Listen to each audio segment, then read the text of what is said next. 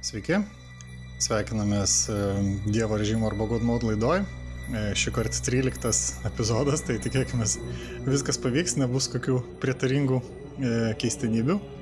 Turėsim šį kartą tokį neįprastą gal pokalbį su Lietuvos žaidimų kuriejais, bet ne video žaidimo stalo žaidimų, kadangi išėjo toksai labai smagus ir nestandartinis stalo žaidimas pavadinimu Perekupai. Tai apie ką ten viskas e, pokalbėje su e, jo pagrindiniais kuriejais. O iš žaidimų tai aptarsim kelis tiesiog e, žaidimus, kuriuos pastaruoju metu žaidėm. Pradedam tradiciškai nuo naujienų su Simonu. Labas. Labas. Savaitę laiko praleidom, pailsėjom biški. Tai prisikopė čia aišku įvykių. Nors atrodo Velykinės laikotarpis galėtų nieko čia per daug ir nevykti, bet Ai, yra, žinai, yra visko. Kas, kas ieško naujienų, tas randa, aš tai taip dabar jau galvoju. Kai reikia tas naujienas susirinkti, tai visą laiką jų yra, nors, nors atrodo gal, gal vienos mažesnės, kitos didesnės, vienos mažiau reikšmingos, kitos labiau. Uh, bet čia jau turbūt jums spręsti ir, ir, ir laikas parodys, kas čia, kas čia iš tikrųjų svarbu buvo. Bet uh, pradėsiu tai gal nuo tokios tiesiog įdomios naujienos. Uh, nežinau, kiek daug Lietuvoje yra MLB mėgėjų fanų, beisbolo amerikietiško lygos, kiek, kiek kas daug žaidžia tą MLB The Show žaidimą ant Sony PlayStation, bet čia toksai prieš savaitę buvo anonsuotas įdomus įvykių posūkis, kad MLB The Show, tas pagrindinis flagmanas beisbolo žaidimų, kurį ilgus metus galėjo žaisti tik tai ant Sony įvairių platformų ir kuris buvo kūriamas Sony studijų, jo leidėjų kitoms platformoms tapo pats MLB. Tai yra pati, pati lyga, kaip ir, kaip ir na, tą žaidimą publishina, ne ant Sony platformų. Na ir turbūt jie pasirašė kažkokią sutartį su Microsoftu ir tas žaidimas ateina ant Game Pass'o ir Xbox'o. Tai buvo komentarai internete, kad turbūt E, keiščiausias intro į bet kokį trailerį visų laikų, nes pasirodo Xbox studijų logotipas ir sekantis logotipas žaidimo kuriejų PlayStation Studios. Tai tokio dar, dar neteko matyti ir, na, o reikšmingumas tai tokio, tokio dalyko, tai nežinau, tai jeigu, jeigu aišku esat e, beisbolo fanas, tai, tai pliusas, daugiau būdų pažaisti geriausią beisbolo žaidimą, bet jei tai netiek jums aktualu, tai turbūt galima tiesiog įsivaizduoti tą, tą veido išraišką pasitenkinusią ant, ant Microsoft'o kokio nors uh, vadovo, kai jisai rašė tą čekį MLB lygai, kad, kad galėtų išleisti žaidimą, kurį sukūrė Sony savo platformai. Tai, tai turbūt tik tiek šitą temą, net nežinau, ką čia galima dar pridiskutuoti toliau. Žiūriu, kad balandžio antrą naujieną pasirodžius, tai gerai, kad ne pirmą, nes tikrai niekas nebūtų patikėję, kad Xbox'as ir PlayStation'as yra kartu vienam žaidime tam tikrą prasme. Jo, tikrai toksai na, atrodytų mažas melas, kur kažkas dar na, pabandė surasti kažkokį tokį įtikimesnį e, kampą, įtikimesnį franšizę, kad, kad, kad papokštauti ir apgauti kažką. Taip, tai dar kita naujiena, irgi susijusi su, su pandeminiam realijom, tai na, e, organizacija organizuojanti tokią žinomą žaidimų parodą E3, uh, jie, na, kaip ir patvirtino savo šiumetinį parodos formatą. Uh, tai jau buvo daugelis dalykų spėliojama iš anksto, bet, na, jie uh, pasižadėjo, kad renginys tikrai įvyks, renginys tikrai įvyks skaitmeniniu būdu, na, internete, nebus, nebus tos įprastos gyvos uh, E, mūgės ir, ir konferencijos, parodos Los Andželė berots. Ir, e, na, kad dalyvavimas toje, tame renginyje buvo spėliojama, kad gal jisai kainuos, bet, bet e, turbūt gal ir dalinai pamatė bent jau iš ankstinę tokią reakciją į, į tą gandą, jie greitai tą paneigė ir, ir, ir pasakė, kad renginys bus nemokamas. Tai, na, turbūt pigiausias būdas, kada nors kokį turėjom sudalyvauti pilnavertiškai į free, tai, tai, tai bus šiemet, kai na, turbūt galės patekti visi, kas nori, na čia dar, dar aišku, dar turbūt detalių daugiau atsiras artėjant renginiui. Ir va, ir na, turbūt e, dalyvauja gana didelės kompanijos, e, kurios ir dažniausiai dalyvauja e, free e, parodoje Xbox, Nintendo, Ubisoft, Capcom ir na, panašus leidėjai, keli, keli didesni nedalyvauja, kaip irgi jau buvo tapę beveik įprasta į free. Na, bet turbūt man didžiausias klausimas yra, koks bus tos lankytojų pasiūlytas e, na, turinys.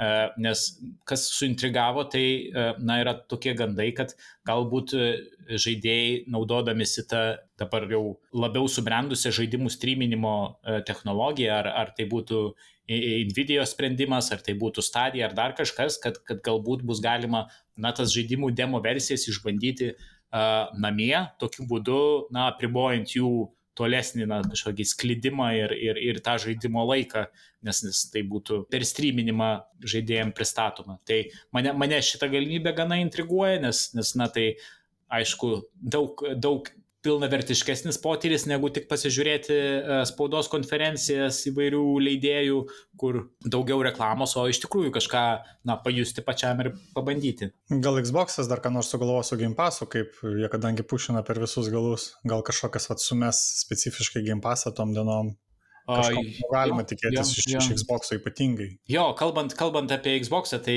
ir streaminimą, tai na, pradeda lysti pirmosios e, tos na, betos uždaros versijos e, to webinio kliento Xbox Xcloud, kur, kur gali na, žaidimus žaisti, kurie, kurie veikia kažkokiam serveriui ir tau yra tik streaminamas video.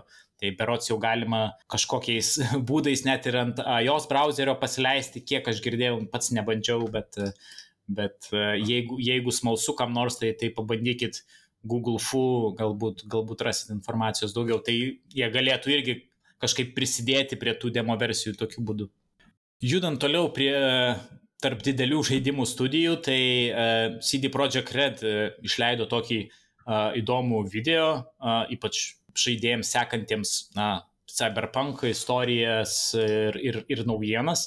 Na, jisai toks vadinosi Strategy, Company Strategy video, tankiai pateikė daug informacijos, tai aš gal taip pabandysiu apibendrinti, apie, apie ką ten buvo iš viso kalbama. Tai, na, pirmas, pirmas dalykas, kas man užkliuvo labiausiai, kad buvo, na, ne visiškai tiesiogiai, bet na taip aptakiai ir uh, neįvardinant konkretaus pavyzdžio, pripažintos klaidos, kurios buvo studijos padarytos su, su Cyberpunk žaidimu, tiek techninės klaidos, tiek marketingo klaidos, tiek uh, įvairūs kiti dalykai, uh, kurie, na, studija vardino, ką būtų galima tobulinti ateityje, taip kaip ir, na, netiesiogiai pripažindama, kad tai, apie ką kalbėjo dauguma žaidėjų po žaidimo išleidimo, tai na, iš tikrųjų nėra ir jiems patiems priimtina, ir, ir jie tai mato, ir, ir jie tai nori taisyti.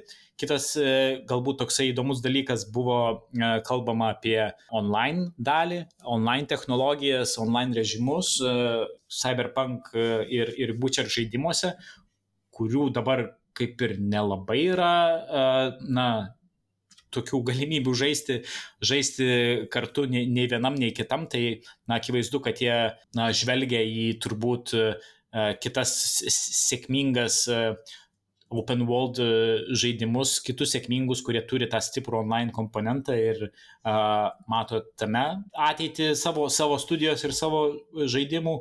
Uh, ir, ir turbūt trečias dalykas, kurį verta paminėti, jie gana aiškiai įvardijo, kad studija koncentruosis ties Witcher ir Cyberpunk uh, franšizėmis kaip dviem tokiais, na, nežinau, ramščiais uh, visos, vis, visos žaidimų leidybos proceso ir, na, jeigu, jeigu laukėt, ką toliau po Cyberpunko padarys, ar ką dar be Cyberpunko naujo suras uh, uh, CD Projekt Red, tai turbūt, turbūt šitoje vietoje jau galit nustoti, nes, nes panašu, kad jie uh, visas jėgas skirs būtent šitom dviem franšizėm ir, ir galbūt netiek daug ieškos naujų intelektinės nusavybės e, produktų, ką jie dar galėtų perkelti į žaidimus. Tai, tai turbūt tiek, tai nežinau, man tai visas tas strategy video buvo apie tai, kaip CD Projekt Red dabar bus rockstaras, nes, nes na, ta dviejų franšizių sistema, tas e, koncentravimasis į online ir e,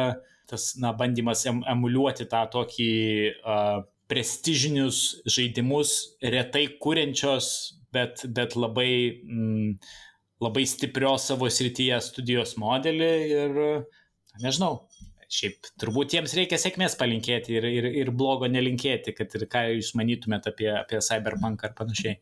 Na, jo, susitvarkys gal kažkada. Žiūriu, vat, atsidariau akcijų kainas pasižiūrėti, tai kol kas neturėjo didesnės įtakos šitas paskelbimas vis dar sėdi tokiam dugne. jo, čia gal buvo labiau skirta, nors, nors tas pavadinimas strategy video, bet vis tiek, man atrodo, buvo labiau skirta ta žinutė žaidėjams, e, norint atpirkti tą, tą gerą valią, nes dar vienas dalykas, apie ką buvo kalbama, yra apie žaidimų marketingą, kaip jie, na, dabar jau nebe rodys žaidimų aha, taip detaliai ir nevardins, kokius, kokius feature'us tai žaidimai turės, kai iki žaidimo išleidimo yra likę šitiek daug e, metų ir, ir, ir šitiek daug dar darbo turi būti padaryta, kad, na, kad ne, ne, nesudarytų kažkokios netinkamo įspūdžio, kas tame žaidime bus, kas, na, turbūt buvo žinutė būtent žaidėjams, o ne, o ne akcijų biržų spekuliuotojams, nes na, tai buvo gana dažnai prikaišėjama, tie neišpildyti pažadai CD Projekt Redo. Ar, ar jie atpirks, tai turbūt, e, turbūt žodžių nepakanka, reikės uh, toliau sekti, kaip, kaip vystysis pati Cyberpunko žaidimo uh, istorija, ką, ką naujo jame pridės, kaip jį papildys, kaip jį na, išbaigs ir užbaigs. Dar čia tokie popuri trumpų naujienų surinkau, kur nežinau, ar, ar, ar a, turėsim daug ką su tavim, Richardai, padiskutuoti, bet man atrodė visai neblogai paminėti. Age of Empires neseniai padarė tokį savo ketvirtosios žaidimo dalies pristatymą, kur galiausiai parodė žaidėjams, na, kaip maždaug atrodys tas, tas žaidimas, kas jame bus, nes, na, buvo toksai, na, didelis neiškumas, nes e, po Age of Empires 2, to e, numylėto fanų žaidimo, Age of Empires 3 keitė labai daug dalykų, vėliau sekęs Age of Mythology irgi, na, išradinėjo savo, savo modelį, e, tai tas, na, ketvirtoji dalis ilgai laukta, seniai anonsuota, ilgai kurta, kuriuo keliu jinai paeis, ar į kažką naujo išradinės, na tai buvo toks momentas, kai visi sulaikė kvapą, turbūt tą, tą video žiūrėjo, ypač kas mėgsta uh, strateginius žaidimus, uh, bet man gal atrodė svarbu šiandien tai paminėti, nes na, tas uh, realaus laiko strategijų žanras, jisai toksai, na, gana toks ištuštėjęs, aptuštėjęs ir, ir, ir atrodo ir, ir, ir jo pietus suvalgė mobos ir, ir paliko jį be nieko tokį vargšą nabagėlį ir na, tos grįžtančios didelės e, rimtos franšizės, tokios kaip Age of Empires 2 ar, ar kitos jų dalys, kurios turi, gavo neseniai įvairius remasterius, suteikė gal tokios vilties, kad, kad tas žanras sugrįž, galbūt su, nauju, uh, su nauja jėga ir, ir, ir pasiūlys kažką naujo žaidėjams. Tai, na, iš tos pusės man atrodė tai gana svarbus tas uh, įdomus announcementas, žanro, kurio galbūt netaip dažnai mes pamatom tarp didžiųjų žaidimų kuriejų. Aš tai šis kažkaip buvau pamiršęs jau visai apie šitą seriją, aš galvoju, jinai jau senai palaidota ir niekas čia nebevyksta. Jo, tai ilgą laiką niekas ir nebevyko. Nors e, vat, dabar besiruoždami tai ketvirtai daliai buvo atnaujinti visi, visi na, trys prieš tai sekė Age of Empires ir na, Age of Empires 2 netgi uh, dabar gauna update'us, kontento, kur, kur pridedami nauji modai, pridedami nauji, nauji dalykai į žaidimą ir man net gal šiek tiek keista, ar jie patys savo, savo naujo produkto ne, nepasmerks kažkokiai ar šiai konkurencijai su senesniu žaidimu, kuris įgavo naują gyvenimą, jis be abejo turi daug fanų ir daug mėgėjų, tai jam daug lengviau na, susikrauti tą auditoriją negu, negu gal kažkam naujam. Bet turbūt Microsoftas išlošia bet kokiu atveju, tai, tai, tai jiem čia toksai problema, kurią norisi turėti, jeigu, jeigu galima taip išsireikšti. Tikėtina, kad paklius irgi mūsų rubrika atidėtas, atidėtas, nes rašo rudenį, bet kažkaip nesinori tikėti. Taip, taip, tikrai, tikrai e, ryškus pretendentas e, pasirodytoj rubrikoje. Kita tokia irgi trumpa naujiena, e, Jasonas Schreieris, e, toks žymus žaidimų žurnalistas, parašė tokį straipsnelį apie, apie Sony studijas, pasikalbėjęs su, su eilė Sony, Sony darbuotojų. Na ir tai aišku, iš to straipsnelio kaip ir esminis momentas, na bent jau man pasirodė tai, kad kaip e, jo teigimu Sony kaip, kaip kompanija, kaip didelė korporacija nori maksimaliai fokusuotis prie labai didelių projektų, prie nešančius didžiausius pinigus, didžiausią populiarumą projektų. Kaip pavyzdys buvo Days Gone žaidimas, kuris buvo finansiškai sėkmingas, bet galbūt netoks, netoks sėkmingas, kaip norėtųsi, bet studija norėjo kurti antrą dalį. Na ir Sony kaip ir leidimo nedavė, liepė jiems dirbti prie, prie kažkokios kitos didelės franšizės naujo produkto. Tai, na, Sony studijose, Sony studijų tarpe panašu, kad nelieka vietos tokiems mažesniems, mažesnio biudžeto, mažesnio uh, matomumo uh, žaidimams ir, ir turbūt ir nelieka vietos ir studijoms, kurios nori būtent tokius žaidimus kurti, o ne palaikyti ten, tarkim, Naughty Dog, kol jie dirba titanišką darbą, kurdami Last of Us ar, ar, ar ten Uncharted ar panašiai. Tai va, na, bet čia tokia galbūt, na, nei, nei sensacija, nei naujiena, čia Jasonas Schreieris, mano nuomonė, tai, na, bandė surasti kažkokį kampą, kaip galima būtų tai pristatyti, kaip kažkokį labai didelį jo atradimą, bet, na, turbūt Sony elgesys kaip ir, kaip ir nuspėjamas šituo atveju, na, konkurenciniai kovoj, susikoncentruoti prie savo privalumų, prie savo stipriųjų pusių ir, ir, ir na, spausti maksimumą iš ten. Na, šiaip įdomu, nes toks sutapimas gal, bet irgi, apie, kalbant apie PlayStation, kad buvo čia tokia kaip ir gandų lygyje, iš kitos pusės būtent, kad jie ruošia kažkokį tai atsakymą Game Passui. Mhm. Tai kaip ir prieštarauja, nu, viens kitam šitos dvi strategijos, kad vat, iš vienos pusės jie čia tikisi ant tų tentpole uh, franšizių išgyventi, o, nu, ar jie sugebės dar ir kažkaip šitą rinką užsimti, vat labai didelis klausimas. Nors aš sakau, kol kas niekas nepatvirtinta, bet va tokie va keli iš kelių kuriejų pasirodė tokie kaip komentarai, kad tikrai, tikrai čia kažkas bus tokio svarbaus irgi kaip atsakymas iš jų. Gal per E3 ką nors pasakys? Nu, PlayStation'as nedalyvauja E3. Ai, nedalyvauja. Tai, Ai, o, o jie turbūt... savo turės renginį ar net, net ir savo A, renginį neturės? Nežinau, turbūt, turbūt e, dar nepaskelbė yra, mm. net jeigu ir turės kažką panašiu metu.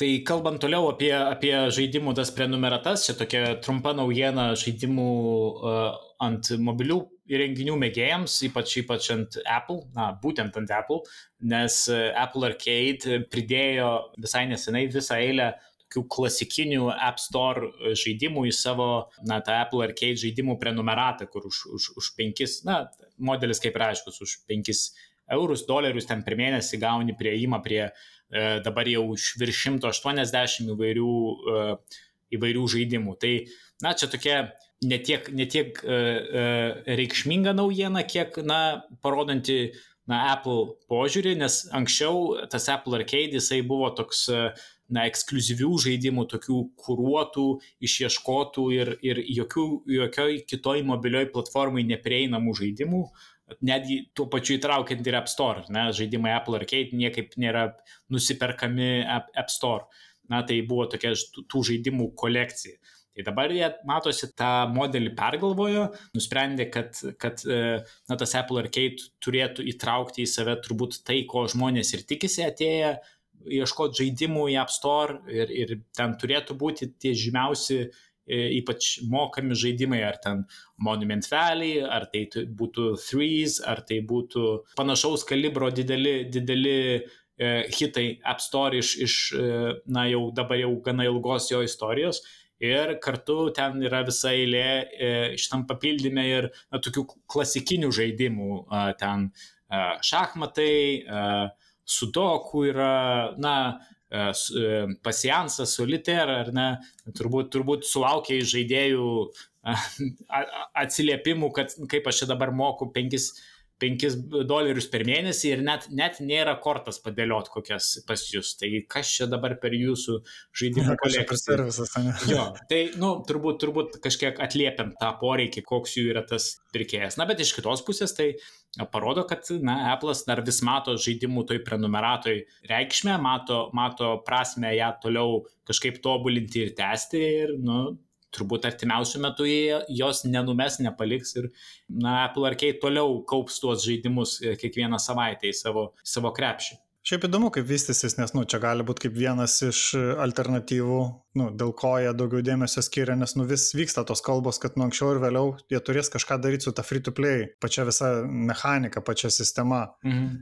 Nes, nu, jinai tokia kaip ir, nu, vis sulaukia priekaištų iš, iš įvairių institucijų ir tas reklamų uh, rodymas iš vienos pusės ir šitas lootboxai, tie vadinami, kur atsitiktinai gauni kažką, Taip. mokėdamas pinigus. Matyt, jie e, deda, deda, prisimenant Velykas, deda kiaušinius į skirtingus krepšelius, gal, Mhm. gal tiesiog tikisi pasiruošti tokių kaip alternatyvų kas, nu, iš vartotojų pusės tai irgi labai gerai, nes, nu, tas modelis, subscription modelis, nu, jisai, jeigu pasiteisino vienoje vietoje, tai jisai, nu, turėtų pasiteisinti ir čia. Jo, Apple, Apple ir šiaip bendrai, na, dabar fokusuojasi į tuos savo servisus, ar ne, turi ir, ir sveikatingumo servisą, sporto ir e, savo, e, na, tą Netflixo analogą, tą Apple TV, na, Mm. Apple Music, na, ta visa eilė tų įvairių servisų, į kurią dabar, na, ta kompanija po truputį nuo įvairių įrenginių, už kuriuos mokė kas, kas kelis metus, juda prie to, kad mokė kiekvieną mėnesį už na, daug, daug įvairių servisų, kurie yra skirti būtent tiems įrenginiams. O kalbant toliau apie uh, Apple, tai Apple, kaip žinia, yra ilgam ir, ir, ir sunkiam mūšį teisiniam su Ir čia kitu. metai laiko, nu gerai, dar negreit, bet jau tikrai sulauksim metų laiko. O jo, tuo jau, tuo jau ir metai, kaip, kaip, jie, kaip jie kaunasi su Epic, na, kaunasi, kaunasi ten teisininkai ypatingai gerai apmokami, e, bet, bet perkeltinė prasme tai, tai yra ta tokia nesantaika tarp kompanijų, tai na, toje te, teisinėje byloje e, na, yra palaipsniui viešinami ten dokumentai, aš ne, ne, nežinau labai gerai, kaip, kaip vyksta tas teismo procesas, ypač, ypač Amerikoje, bet na, iš tų dokumentų, na, galima kai kurios dalykus sužinoti, kurie, na, buvo kaip ir verslo paslaptys tam tikros kompanijų ir panašiai. Tai čia buvo nesenai paviešinti dokumentai apie, na, pinigus, kuriuos išleidžia Epic Games, kad išlaikyti tą savo PC asmeniams kompiuteriams skirtą Epic Game Store platformą. Tai buvo įvardinti skaičiai, kuriuos išleidžia Epicas, tai, tai tie skaičiai tokiu ašarą spaudžiantys, pavyzdžiui, per 2020 metus buvo išleisti 444 milijonai, man rodos, tai vadinasi minimum assurance, tai reiškia, Epicas iš karto sumoka kažkokią kiekį pinigų žaidimų kuriejų, kuris leidžia savo žaidimą ant Epic Game Store, lyg tai iš karto garantuodamas jam kažkokį kiekį nupirktų kopijų. Tai jo, čia nepriklauso jau nuo pardavimų, kiek, kiek jisai duos. Garantuodamas pardavimus, ar ne? Tai, tai jeigu žaidėjai pirks tą žaidimą, tai na, Epicas tuos savo pinigus teoriškai gali atgauti, bet kaip matosi iš tų dokumentų, jie iš karto, na, moka tos pinigus žinodami, kad tikrai praras, tikrai didelės dalies jų nesusigražins ir tai jie daro, na, siekdami susirasti, užsiauginti savo tą uh, nuolatinį uh, pirkėją ir, ir, ir uh, na, užsiauginti tą savo vartotojų uh, bazę. Uh, kiti skaičiai, tai ten kiek, kiek uh, nuostolio patiria ta parduotuvė per metus, tai, tai ten irgi skaičiai virš 100 milijonų 2020-aisiais, virš 200 milijonų nuostolio vien tik tai Epic Game Store'as pats padarė. Na ir, ir, ir tokios ateities prognozės, kad Epic norėtų, kad ta parduotuvė bent jau mato, kad ta parduotuvė kažkokią pelną pradėtų nešti 2023, o Apple dėl kažkokių ten savo teisinių ginčio priežasčių piešia blogesnį paveikslą, kad, kad jam reikės laukti pirmojo pelno iš Epic Game Store dar šešis metus iki 27-ųjų. Tai nu, čia iliustracija galbūt e, žmonėms, kokie, kokie ap, absurdiškai dideli pinigai reikalingi, norint sukurti naują platformą, na, šitoj žaidimų industrijos, žaidimų platinimo nišoje, būtent, būtent konkrečiai MPC,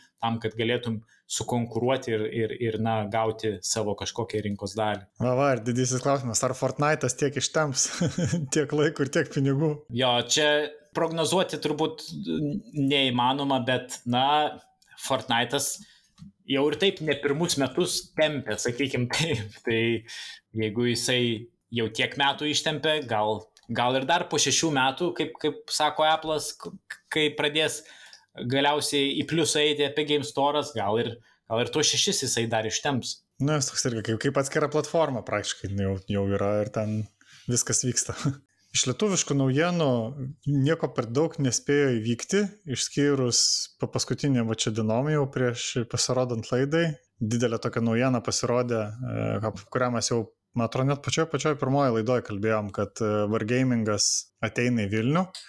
Jie pagaliau oficialiai jau viską paskelbė, kad taip, e, Wargaming atsidaro Vilniuje ir, e, na, čia gal, gal labiau bus žinomas vardas su institucijom, kas susiję, kad studijai vadovaus Investuok Lietuvoje buvęs e, direktorius Mantas Katinas, na, bet jis nesusijęs e, yra su game developmentu, tai va už tai buvo labai įdomu sužinoti, ką jie darys iš game developmento pusės. Ir jie taip pat šitą patvirtino, kaip na pagrindinis toksai žmogus bus Tein Lyman, jeigu teisingai ištariu, Jis yra daugiau negu 20 metų industrijai dirbantis, 17 metų Activision praleidęs, daugiausia su Call of Duty, taip pat e, su Destiny, su Marvel žaidimais, dirbęs įvairiose rolėse ten nuo iki.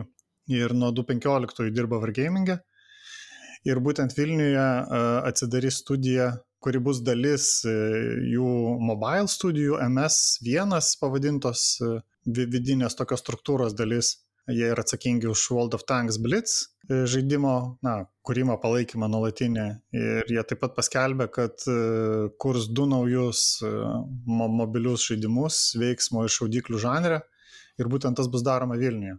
Jau yra apie 20 žmonių perkelta, kaip, kaip suprantu, iš Baltarusijos ar ne, iš kitų galbūt e, Wargamingo padalinių.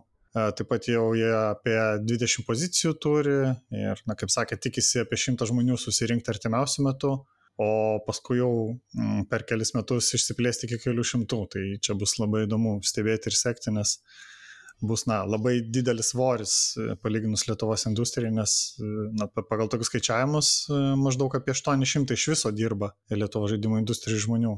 Tai čia toks, nu, elephant in the room.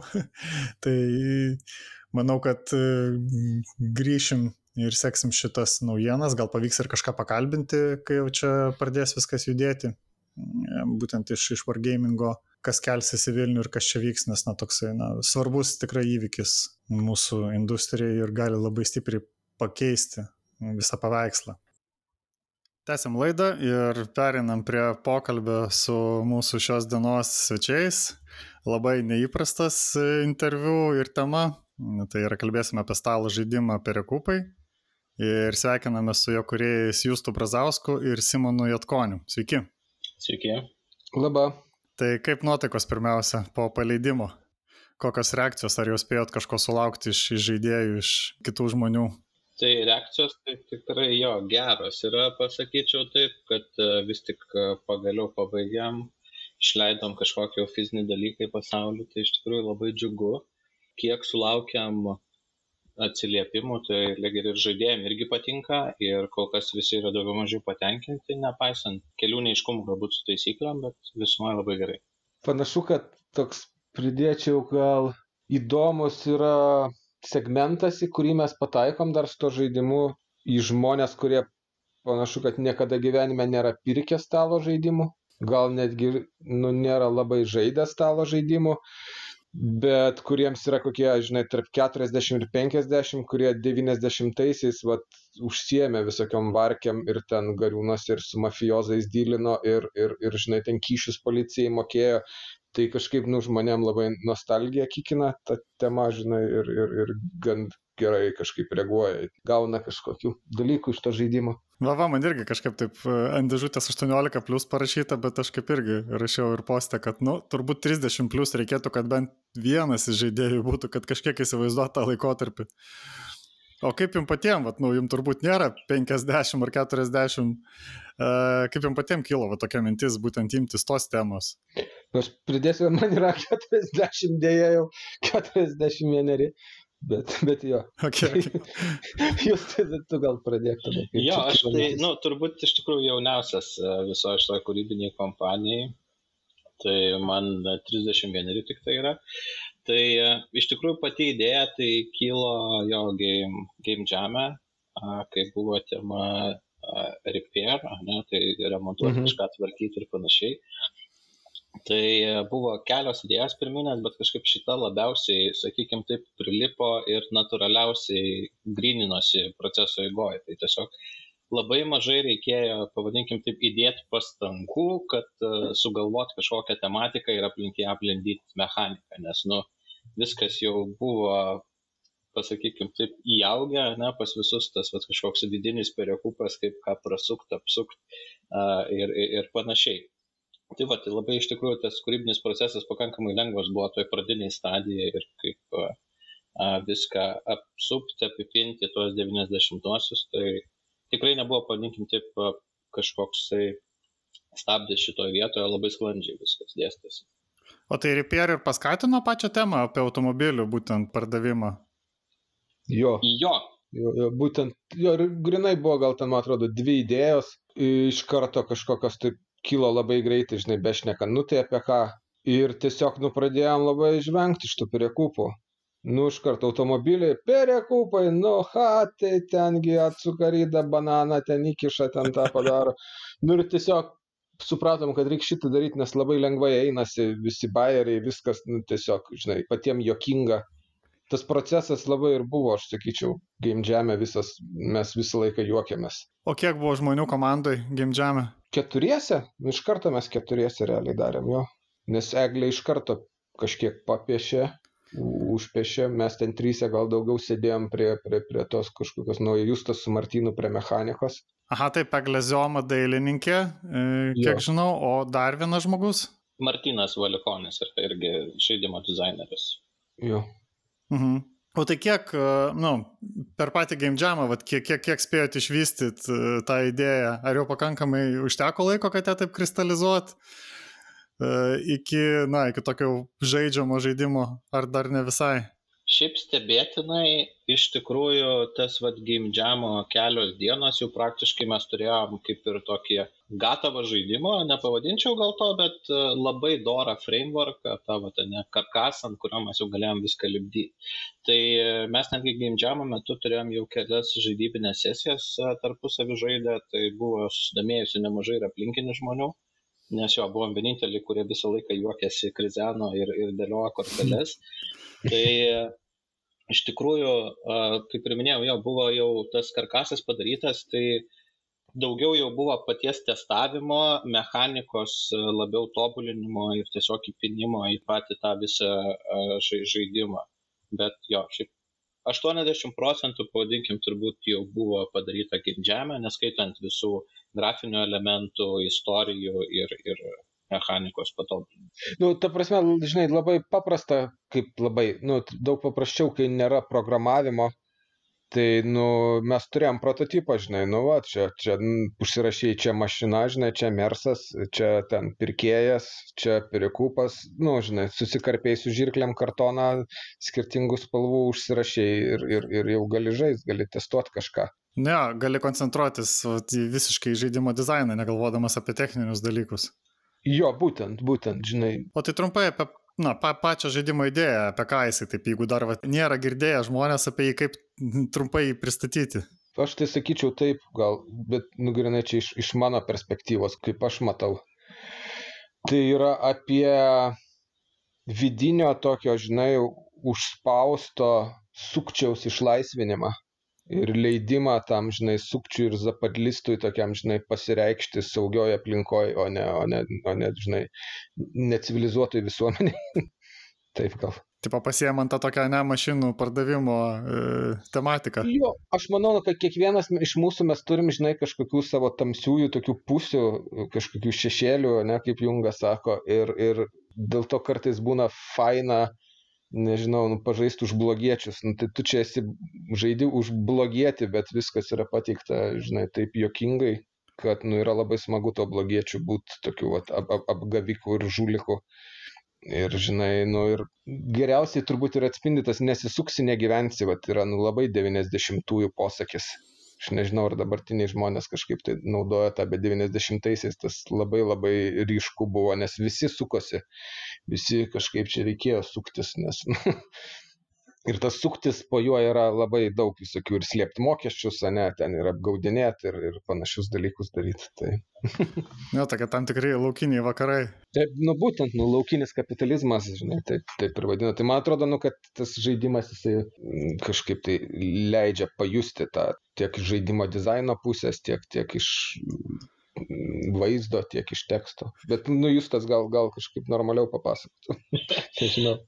Jo, jeigu taip iš e, tų žaidybinių, pavadinkim taip, terminų, tai iš e, principo tai pats žaidimas yra toksai labiau uh, pakengti kitam, bet pačiam išlošti, ar ne? Tai visada yra noras kažkaip pakengti kitam žaidėjui, ne, ar oponentui savo ir jį bandyti sustabdyti, pasiekti to žaidimo tikslo, kad, kad, kad laimėti. Tai tas paskatina gal labiau tokius, sakykime, azartiškus žmonės žaisti, ir ne tokio tipo žaidimus, arba tos, kurie būtent mėgsta pakišti koją kažkam kitam, ne padaryti tą zapadlo, taip vadinamą. Tai šitas žaidimas puikiai tinka, sakykime, vakarėliams labiau, negu galbūt kažkokiam rimtam pasisėdėjimui ir ten žaidžiant kokį ekonominį žaidimą. Tai šitas yra ekonominis, bet jisai yra ekonominis su tokiu bekstebinimu, pavadinkim taip. Jo, jo, mes irgi, vat, kiek, kiek bandėm, tai taip, nu, Tai aišku, čia kadangi negali padaryti tūso, bet taip kažkaip labai lengva įsivaizduot, e, tokį kaip vos ne life RPG, biškai, kad įsijausti rolės, ten pasileist kokį ten 90-ųjų popsą, užsidėti treningus ir turėtų, turėtų visai cool būti. Čia kaip kažkas pasako, kaip mafija, pavyzdžiui, ten darydavo žaidimus, ten tokius mhm. restoranuose su yeah. kostiumais, su cigarais, ten žodžiu, kad nu įsijausti tą rolę. Tai šitas turėtų irgi jaučiu suveikti. Jo, čia yra viena iš žaidimo, sakyčiau, netgi dedamųjų dalių yra būtent tas roleplayus, kiek tu pats nori uh, pažaisti už kažkokį vatane personažą, kuris pakišinėja kojas. Ir uh, žaidime irgi gausu tų kortelių, kurios uh, skatina atlikinėti kažkokius neigiamus veiksmus, tai juos irgi galima įvardinti, ne, ten, pavyzdžiui, yra kortelė pavadinimo anegdotas, tai tu tiesiog pakenki savo oponentui, nepreidamas prie, prie pirkėjo, papasakodamas kokį nors anegdotą, kad nu, nutkreipti pirkėjo dėmesį truputį kitą linkmę. Tai, nu, tokių vat, yra momentų, kur tikrai galima, sakykime, taip atvaidinti kažkokiu būdu. Nu ir kiekvienas ten personažas dar savo istorijas kažkokias turi, tai gali pasiskaityti, žinai, irgi kiti kažkaip taip daro, kad tiek perekupai tie šeši, kurie yra, jie, jie kiekvienas gan savo istoriją gyvenimo turi, tiek pirkėjai turi, nu, apie juos galima pasiskaityti, kad labiau įsijaust, žinai, į, į tą vaidmenį ir, ir šiaip į visą atmosferą, sakyčiau, jo. Aha, norėjau klausti dar apie knygelę. Ar iš karto buvo mintis, kad na, reikia papildomai parašyti ją, ar kažkaip eigojinai išsivystė? Sakykime taip, jinai, nu, čia yra darbinio proceso kaip aš dirbu su iliustratoriais dalis, nu, aš, sakykime, pas mus taip vyksta, kad aš parašau trumpą istoriją iliustratoriui apie personažą ir tada jis jį piešia. O ne tai, kad, nu, mums ten reikia 20 pirkėjų, ne, aš tiesiog, tai čia buvo tokie darbiniai tekstai, darbinės istorijos, kurias aš rašiau tik egliai, kad jai būtų, nu, jai nereikėtų galvot, kad, kad žinai, apie patį personažą, kad jin galėtų koncentruotis į detalės, į techniką, nu, į tai, kas iliustratoriai svarbu. Ir nebuvo pradžiai netgi minčių, kad kažką čia išleisim šitos dalykus kaip knygelės, knygelę kažkokią, tas istorijas, dar kažką. Apie žodinėlį buvo minčių, kad žodinėlį reikėtų padaryti, ką reiškia visokie ten e, babinos ir ten visi kiti dalykai bet apie personažų istorijas nebuvo minčių. Po to pažiūrėjom, nu, kad, nu, kad jau parašyta, tai gal galim išleisti. Na, nu, toks visai gaunasi added value prie žaidimo Taip. ir padeda jausti, na, žmonėm tikėtina iš tą vaidmenį. Jo, žodinėlis tai tikrai mes pirmiausia, tai sėdom, perskaitėm viską. Visai fan. Nu ir, ir stengiamės, kad, žinai, būtų kažkaip legitimus patarimai. Konsultavomės, ten Martino tėtis, jis autoservisą berots turi ten, nu, žodžiu, tai stengiamės ten nerašyti nesąmonį visiškai apie kai kurias detalės jo pats nemažai išmokau berašydamas apie, apie automobilius jau. ne, visiems, manau, buvo tikrai proga pasiturtinti žodyną automobilius kaip sektoriui. O kaip jau po gimdžiamo, kaip nusprendėt, kad nu, reikia toliau tęsti ir bandyti tikrai sukurti kaip ir komercinį produktą ir kaip viskas vyko? Aš nežinau, aš taip pasakysiu gal iš savo pusės, kad aš dar dabar ne, ne, ne visai žiūriu kaip į komercinį produktą.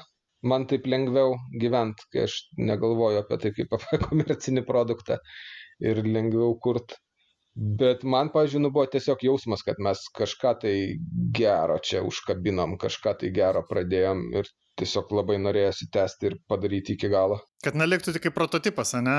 Game Jam. Jo, Jo, papildyčiau tuo, kad iš tikrųjų tiesiog turėjom daug gero laiko, kurdami tą vat, Game Jam'o produktą, iš kurio tikrai buvo noras pabaigti jį ir išleisti. Ir e, kadangi iš tikrųjų turėjom visus įrankius, ar ne, turėjom ir dizainerį, žaidimų dizainerius, turėjom vat, ir rašytoją, tai pilna komanda, kurios užtenka, kad išleisti žaidimą, ar ne, tai nusprendėm tiesiog judėti toliau, nes visiems visiem buvo smagu, visi buvo įstraukti į tą procesą ir e, tiesiog nebuvo svarstymo gal netgi numesti tai, o vat būtent, kad tik tai pirminį judėti, tik tai vat pabaigti, išleisti vienokio ar kitokio formai. Ir mes dar, nu, esam, nu, Eglė gal, nežinau, prie žaidimų, ne, nežinau, ar jin buvo dirbus, turbūt gal prie kokių nors uh, live action RPG, larpų gal kokių, ne, ir, ir tiesiog RPG stalo. Bet, nu, mes su Justu, čia mūsų trečias projektas, ir antras užbaigtas projektas. Martynas irgi darė nu va tokie žinai nėra kad čia pirmas žaidimas gyvenime. Mes bandėm visokius ir kažkokius prie kompiuterinių žaidimų dar kažką ir nu norėjos padaryt kažką labai ir šitas toks jautėsi kad nu blemba čia tikrai pataikėm kažką, žinai. Jo. O kokia dar yra kūrybos ankstesnės jūsų? Jos ne, dabar nežinau, vis, viskas, viskas ten numirė, buvo toks paslapčių karstas, buvo skaitomas RPG, nu tekstinis RPG, Mm. bet jisai dabar ten jo nežinau, gal du trečdaliai kažkur yra sukelti, seniai buvo. Po to mes ten tokį su, su jūs dirbam prie kriptovaliutinio tokio žaidimo, kai kriptovaliutos buvo užkilusios Merge Eternal Battlegrounds, nu bet jis ten neišėjo niekur už, už, žinai, už trailerio ribų, nebuvo. Pačios gamybos neprasidėjo, labiau marketingo fazė buvo. Nu, žodžiu. Ir daugybę RPG mes visokių žaidėm visą gyvenimą ir, ir darėm, ir žaidėm, ir, ir, ir, ir stalo, ir, ir lauko, ir panašiai. Mhm. Jo, ir su Martinu irgi jau esam senai pažįstami ir paskutinius pusę metų turbūt iki to paties Game Jam'o su juo irgi dirbame prie vieno tokio projekto. A, Jo dar vat, neužbaigiam dėl, dėl, dėl perekūpų, bet potencialiai irgi galbūt netolimoje ateityje gal irgi pavyks ir užbaigti ir dar kelius projektus. Tai Jo, ir Martinas gi irgi, dirbo prie Streets of Cyberworld, nu, jisai autorius Jo. šito buvo, nu, jis ten Mhm. neįsigyvendino iki galo, bet, nu, jis, jis, žinai, ne vienus metus ten. Net ten darė. labai didelis projektas. Jo, jo, jo, tai, tai, žinai, nu, kažkokių tokių bandymų buvo. Tai va. O kiek vat, keitėsi per tuos, kiek čia maždaug apie metus jums užtruko galutinai jau jį padaryti, kiek keitėsi pats žaidimas, ar kažkas prisidėjo, ar kažkas kaip tik nusijėmė nuo, nuo pirminio to projekto. keitėsi šiaip pati mechanika, tai labai grubiai nebuvo taip, kad keistusi a, nuo, nuo pamatų, bet tikrai buvo tokių elementų, kurių ir atsisakėm, ir buvo tokių elementų, kuriuos pridėjom, bet pati ta transformacija netgi jinai paties dar gimdžiamo metu įvyko, pasakyčiau taip, nes ten a, pirmos ir antros dienos tas konceptas jisai buvo labai skirtingas.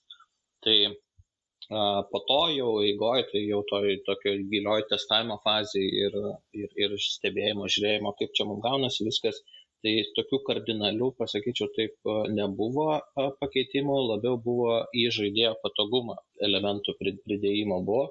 Ir, aišku, atsisakymas mechanikos dalių, kurios apsunkina per daug žaidimą, tai vien tik tam, kad jis būtų prieinamesnis, sakykime, taip platesnė auditorijai ir nebūtų per daug didelis matematinis galvosūkis, nes netgi ir dabar yra vietų, kai tikrai reikia paskaičiuoti ne, ne, nemažai tų dedamųjų dalių, ar ne, ten a, pridėti dėrybų metimą, modifikacijas, ten pridėti atimti kalną visokių skaičių, tai tas užtrunka. Tai tam, kad irgi to išvengti, tai dalį mes jau būdavo paskaičiuoja automatiškai arba ten už kadro neįvyksta tas paskaičiavimas. Tai tik tai tokie dalykai. Didelių transformacijų tikrai nebuvo jau eigoj. Jo, iš vaizdo teksto pusės irgi, man atrodo, mes iš tiesiai kaip šovėm, stilių eglę iš karto atrado, nu mes ten pasišnekėjom, pasišnekėjom, taip, taip, taip, pabandė e, kelis variantus iš karto, o, važiuojam su tušu iš rankos, va tokie piešti labai gražiai. Spalvų gamą ten atrinko ir, ir kuri 90-osius atspindi ir, ir, ir viskas. Ir važiavom. Jo, nes personažai tie, kurie yra dabar, tai jie yra dar iš Game Jam'o, tik labiau išdirbti. Jo, jo. Mhm, Teko, teko man matyti ten tą teaserį, trailerį, kaip ten pavadinsi. o tai daugiausia, daugiausia reiškia testavimas, tas, ne, užtruko, nu, vis, vis bandymai ir, ir kažkokios modifikavimai, ne, jau prie žaidėjų, kad pritaikyt. Jo, daugiausiai buvo jo testavimas, modifikacijos ir tas, sakykime, priartėti labiau ties matematiniu balansu, tam, kad nebūtų kažkokių labai aiškių, ten, sakykime, ėjimo galimybių arba tiesiog, kad labiau apsimokėtų daryti vienus veiksmus negu kitus, tai daugiau mažiau tokį balansą bandėme ieškoti, kad visi veiksmai būtų daugiau mažiau panašios vertės, aišku, yra elementų, kurie suteikia daugiau rizikos, bet ir didesnių laimėjimų, bet jo, stengiamės truputį taip išbalansuoti, kad nebūtų kažkokio labai didelio proveržio arba stagnacijos pas žaidėjus ar neįjimus. Tai to stengiamės kaip labiau išvengti kad būtų daugiau dinamikos žaidime. Jo, o iš vaizdo pusės, tai man atrodo, nu, tiesiog gal buvo gerai, kad buvo ilgesnis laiko tarpas ir tai, nu, žinai, nereikėjo egliai čia dabar sėdėti ir, ir nupiešti visko ten, nežinau, per tris savaitės arba per mėnesį. Nes, nu, vis tiek 26 personažai, dar 20 mašinų. Buvo, žinai, toksai laiko, laiko pagyventi su jais, laiko kūrybai laiko atsipalaidavus tai daryti su malonumu, žinai, tai ir manau tas jaučiasi dabar labai. Tu, tu, tu. Nu, jo, neforsavot, neforsavot neperdegėt, ne? Jo. Didžiausias iššūkis gal netgi buvo iš tikrųjų taisyklių rašymas, nes mhm tai yra labai sudėtingas procesas, nu ir iš tikrųjų tai yra tai, kas apibrėžia žaidimą. Tai tu gali sugalvoti ten labai komplikuotas mechanikas arba netgi labai paprastai, paprastas, bet jeigu nesugebėsi jų išaiškinti, tai vis tiek niekas ne, nemokės žaisti net to žaidimo ir negebės. Tai ten iš tikrųjų yra daugiausiai darbo ir daugiausiai buvo stabdžių ir nu, jau turbūt tikrai ir, ir, ir bus dar ir naujų žaidėjų, kuriem irgi kils klausimų vienokių ar kitokių situacijos atžvilgių. Ar čia šiaip labai gera praktika e, mokytis kurti dizainą ir net ir kalbant apie video žaidimus. Aš čia buvo proga vienam universitete, tokią ekskursiją turėjau apie žaidimo dizainą kursą pristatinėjo ir ten nu, taip labai užsifiksavo, kad pirmus ar du metus, ar netgi daugiau, jiem net neleidžia prie kompus sėsti. Viską mhm. turi daryti, nu, su stalo žaidimais kad, kad žodžiu, atkalti tas, vad, būtent mechanikas, tas taisyklių pristatymus. Nes kompas, tai žinai, tu jį užsifiksuoji, įeini į kažkokį, vad, būtent kompo režimą, o reikia daug plačiau žiūrėti. Taip. Jo, tai žmogiška patirtisgi čia, teisingai. Na nu, ir dar aišku yra toks aspektas, kad e, nėra daug lietuviškų žaidimų taisyklių, tai irgi tas yra sunku, nes, pavyzdžiui, mano darbo procese aš labai dažnai galvoju angliškais terminais ir angliškas taisyklės. A jo. Nes tiesiog nėra tokio, kaip pavadinti, įgūdžio ar ne ir gebėjimo. Terminologijos. Terminologijos kažkokios jo, kad tu iš karto galėtum e, lietuviškai galvoti, lietuviškai rašyti taisyklės, kaip turėtų atrodyti ten žaidėjo veiksmas vienas arba kitas, arba jo, ten, pavyzdžiui, kaip diskardas, pavyzdžiui, nu, lietuviškai labai sunku tokį žodį aprašyti, nes tau reikia naudoti kokius 4-5 žodžius, kad paaiškinti, kas tai yra. Atsimenu, kiek knisomės su turnu ir raundu. Oi, blemba. Žinai, kaip čia dabar paaiškinti, kas yra turnas, o kas yra raundas. Ir kada raundas baigėsi, o kada turnas baigėsi.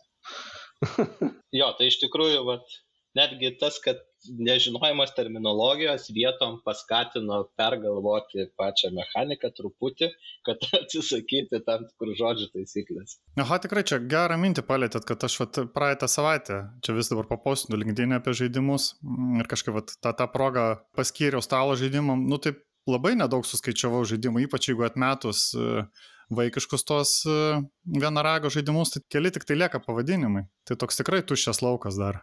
Tikrai taip. Jo.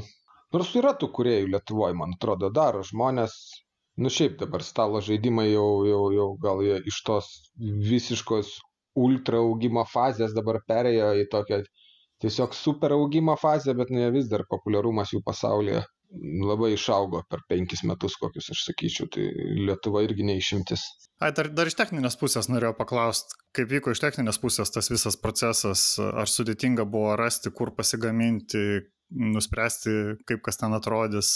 Nebuvo lengva, sakykim taip, tikrai, nes Lietuvoje tai labai sunkiai mums gavosi iš vis kažką surasti, kas galėtų, vat, ar ne, pilną spaudą atlikti mums šituo klausimu tai teko kreiptis į užsienio kompanijas. Ten jau truputį paprasčiau, nes nu, yra tikrai ne viena ir ne dvi, kurios užsiema būtent stalo žaidimais ir tau gali ir patarti, ir padėti, ir popierių parinkti, ne, ir formatą sudėlioti pačios dėžutės. Tai šitoj vietoje tai yra paprasčiau, bet pats pasiruošimas tai spaudai, ar ne, visų failų parengimas, maketavimas, spalvų, ten kodų šifravimų, visi tie, tie dalykai, tai tas buvo mums spraga iš tikrųjų ir ilgą laiką tikrai kovojom ir čia buvo vienas iš tokių didžiausių iššūkių, kur jau irgi buvo, ar mesti viską lauk ir daryti iš naujo, ar, ar vis tik pabandyti damušti. Tai spraga jo labiau techniniai daly yra su tų vat, būtent failų parengimu ir pačios iki spaudos ir to, to, to viso pasiruošimu. Tai ten tikrai buvo ką veikti. Jo, nes spaudos dalykai, jie, žinai, viena yra sukurti kompę dizainą ir, ir, ir spalvas sudėlioti, vis, visai kas kita yra suderint visą tai, kad spaudoj atsispindėtų taip, kaip atrodo kompe. Ir, ir, nu, ir jeigu, žinai, taupai ir neturi biudžetų gamybai, tai užtrunka procesai sakykim taip. Tokia biški sudėtinga ir dar Lietuvoje labai mažai žinomas rytis, nėra tos tokios dar bendros patirties, tai va čia. Tikėtina, jūs kreipsis vėliau žmonės, kas norės kažką dar sukurti. Reikia, kad kokią paskaitą va, padarytumėt, kada, kai, kai prasidės gyvi renginiai. Manau, tikrai bus kuo pasidalinti, jo, nes patirties surinkta yra. Nes jo, per visą tą laiką, tai turbūt buvo gal dirbo vienu metu, gal netgi šeši skirtingi žmonės prie, prie maketavimo viso žaidimo, tai tikrai buvo ką veikti. O pats platinimas, ar tik platinat per savo svetainę, ar daugiau kažkokių yra kanalų? Šiuo metu tai tik tai per savo svetainę platinam. Vėliau potencialiai bus tikrai galimybė įsigyti ir, ko gero, ir stalo žaidimų parduotuvėse, bet kol kas dar ne, nesam nieko taip uždarę, sakykime, taip jokio dylo šitoje. Mhm. Tai gal einant link pabaigos, kokia, na, kokia dabar situacija ir kokie galbūt planai? Ar yra kažkokių planų toliau žiūrint į šito žaidimo ateitį ir bendrai, gal stalo žaidimų jūsų kažkokio bendros veiklos ateitį? Lyg ir neblogai dabar kažkaip tai. Mes nelabai čia kažką kol kas darėm su, su reklama, taip sakykim bet visai neblogai pajudėjo čia dalykai. Tai turbūt, kad užsakinėsim dar vieną partiją. A, čia kaip su knygom, ne? Jo, jo, jo. Pirminė užsisakai, o paskui yra galimybė da, da, da pirkti. Nu jo, čia toks, tik tai žinai, kad tau reikia planuoti dalykus, kažkokius komunikacinius dalykus, viską, nes gamyba užtrunka ten, tai žinai.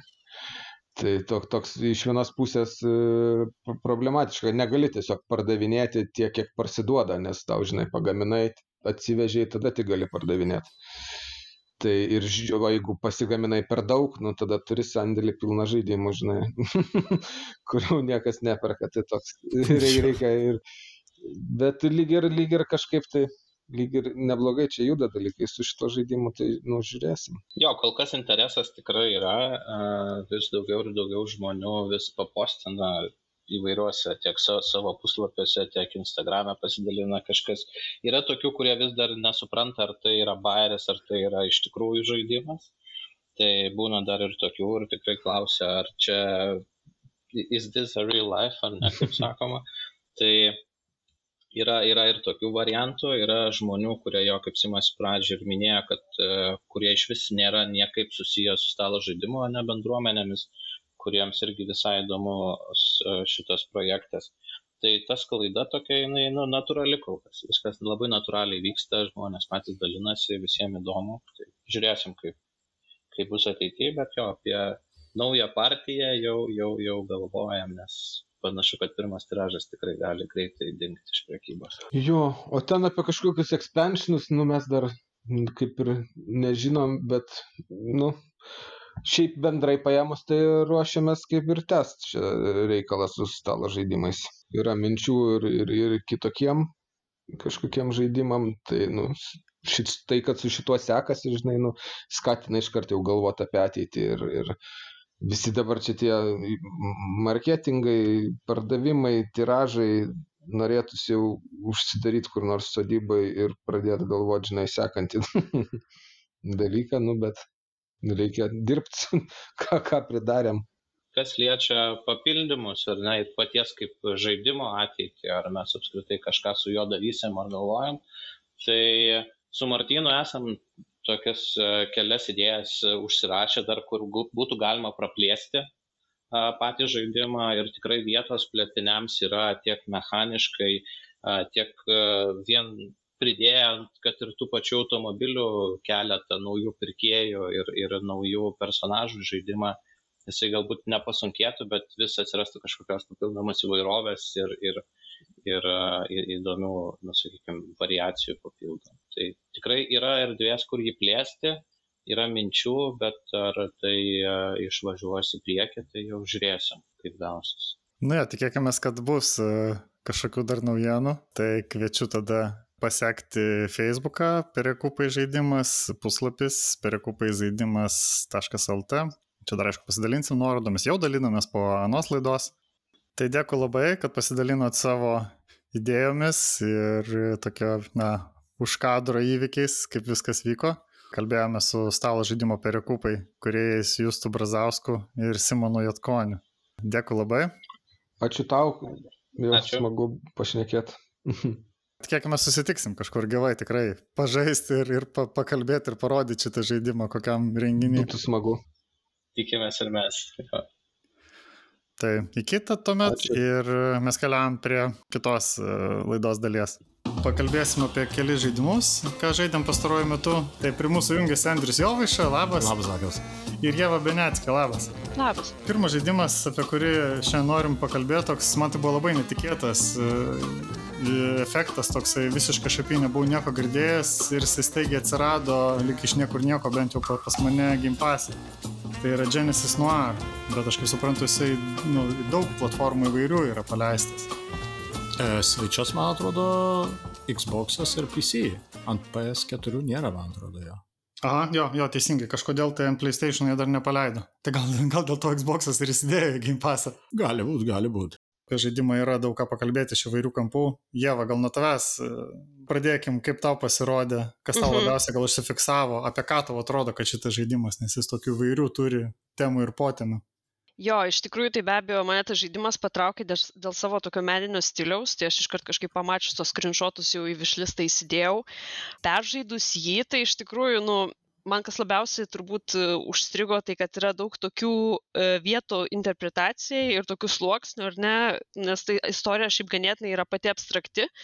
Ir jeigu reikėtų taip apibendrinti, turbūt galima pasakyti, kad tai kaip ir yra tokio e, žaidimas pasakoja didžiojo sprogimo ir visatos istoriją per kažkokią noir detektyvinę liniją ir atvirkščiai. Tai nuo mūsų pačios civilizacijos pradžios iki jau nenuspėjamų metafizinių, astrofizinių sluoksnių sluoksnių ir, ir įvairių temų potemių. Tai iš tikrųjų, aš kiek paskaičiau tokių kaip interviu su pačiais kuriejais, tai jie irgi kaip ir bandė pasiekti tą tokį abstraktumą ir kad taip sakant, tie, kurie galbūt nesidomi labai mokslu, galėtų vis tiek gauti kažkokią patirtį iš, iš to žaidimo. Toks premisas iš tikrųjų ir, ir buvo. Tai man gal kas labiausiai patiko, be abejo, tai buvo būtent visas garso dizainas man atrodo, tas žaidimas geriausiai ir, ir taip sakant, jo gražiausias pusės persišviesdavo tada, kai garso dizainas būt, būdavo susijęs su to žaidimu, nes, e, kaip pasakyti, jisai kaip ir oficialiai yra point and click tokia, toks adventuras su tokiam mažom abstrakčiom puzlėm. Iš tiesų taip, žaidimas e, yra ypatingas tuo, kad groja gan toks netgi tam tikrą prasme avangardinio ir klasikinio džiazo mišinys ir, ir tai yra tikrai aukštos kokybės tas e, džiazas. Ir kartais iš ties yra nesmagu, kad jisai tarsi pasimeta kažkur. Norėtųsi, kad galbūt žaidimas daugiau būtų su ta muzika sukabintas, nes kai jisai atsikabina nuo pačios muzikos, tai tada ir pats žaidimas praranda dalį savo žavesio. Jo takelis yra iš tikrųjų viena iš tų tokių pagrindinių audinių, ant kurio Aust turėjo galbūt gal tiesiog tvirčiau suaust patį žaidimo siužetą. Mhm. Aš prisimenu vieną tokią puzlę, kuri man labiausiai strigo ir aš paskui pagalvojau būtent, kodėl jinai man tai patiko ir tai buvo būtent todėl, kad tenais tu gavai pasižaisti su muzika.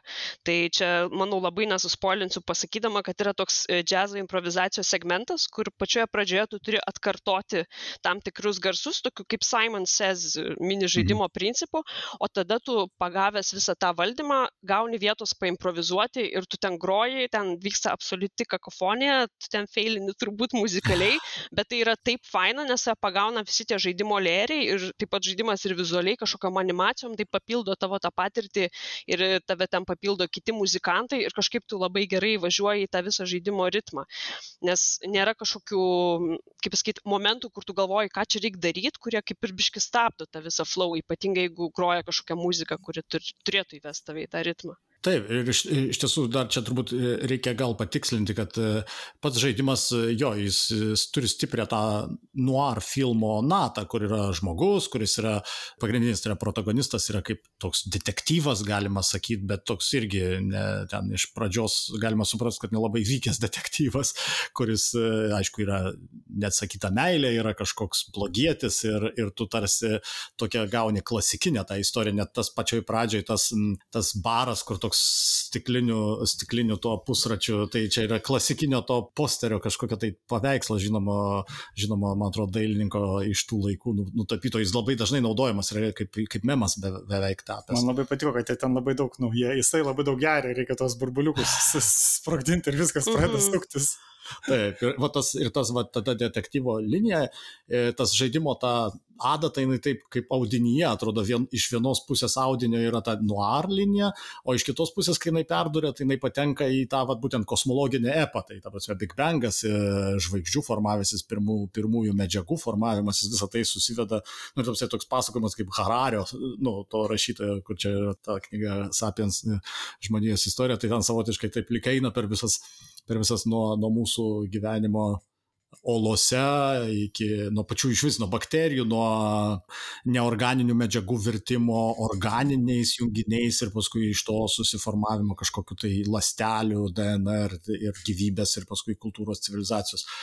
Man tas žiauriai patiko, nors kartu kartais atrodė, kad e, kuriejai taip pameta iš rankų šitą dalyką ir jos abidveina tarsi atskirai, o kai vat, jiems pavyksta šiek tiek sukabinti, nes ten va, ta pagrindinė herojė tarsi yra Miss Mas, tai va irgi masė kaip po, mm. kaip po esminis e, fizikinis e, irgi mm -hmm. materijos aspektas. Viskas, nu, jo, nuo kurio viskas priklauso. Higso bozoną mes tik dabar atrandam ir pradedam suvokti, kas yra masė, nes realiai jeigu, jeigu tu tarkim skaldai visas medžiagas, nu va mūsų tam cerne, jo, tai jame tenais juk iš tikrųjų tu skaldai, skaldai, tu skaldai protonus į kvarkus ir tie kvarkai jau yra nebeapčiuopiami, Visi, visos tos dalelės jos tampa nebeapčiuopiamas ir tada klausimas kyla, o tai kur yra materija, kur yra tai, ką mes apčiuopiame, mhm. nes kai tu tas energijos dalis sujungi, jos patampa masė, bet iki tol jos, jos yra kažkokios efemeriškos. Tai yra. Ir tas, jis ten paliečia žaidime šitos va, dalykus, ten tas. Man patiko, kad pats, nu, pati kaip ir judėjimas vyksta per šūvio e, akimirką. Taip, taip, taip. Nes ten tas momentas, kaip iššauna, e, nu, tarkim, tas prie, priešas į, į tą mylimąją ir sustoja laikas ir būtent visame šūvyje ta, toje akimirkoje telpa, bet visa ta istorija ir visa ta visatos tas visas vystimas. Jo, yeah, bet tai tu žinai, kad čia, kad tas, va, tas šūvio, tas nupaišymas, tai yra visatos žemėlapis, tarsi nuo Big Bango, taip, taip, fizikoje paaišomas yra mūsų, nu, tiekmė tarsi, nuo to taško mm, ir paskui plėtimasis ir mūsų matoma visata yra va, taip mhm, pavaizduojama. Mm -hmm. Tai... Bet šiaip man biškai gal pritrūko to vat, grįžimo prie tos pagrindinės istorijos. Aš kažkaip įsivaizdavau, kad jie vat, būtent labiau plėtos tą, nu, paties to herojus ir, nu, tam esamajam laikė, sakykime, mm.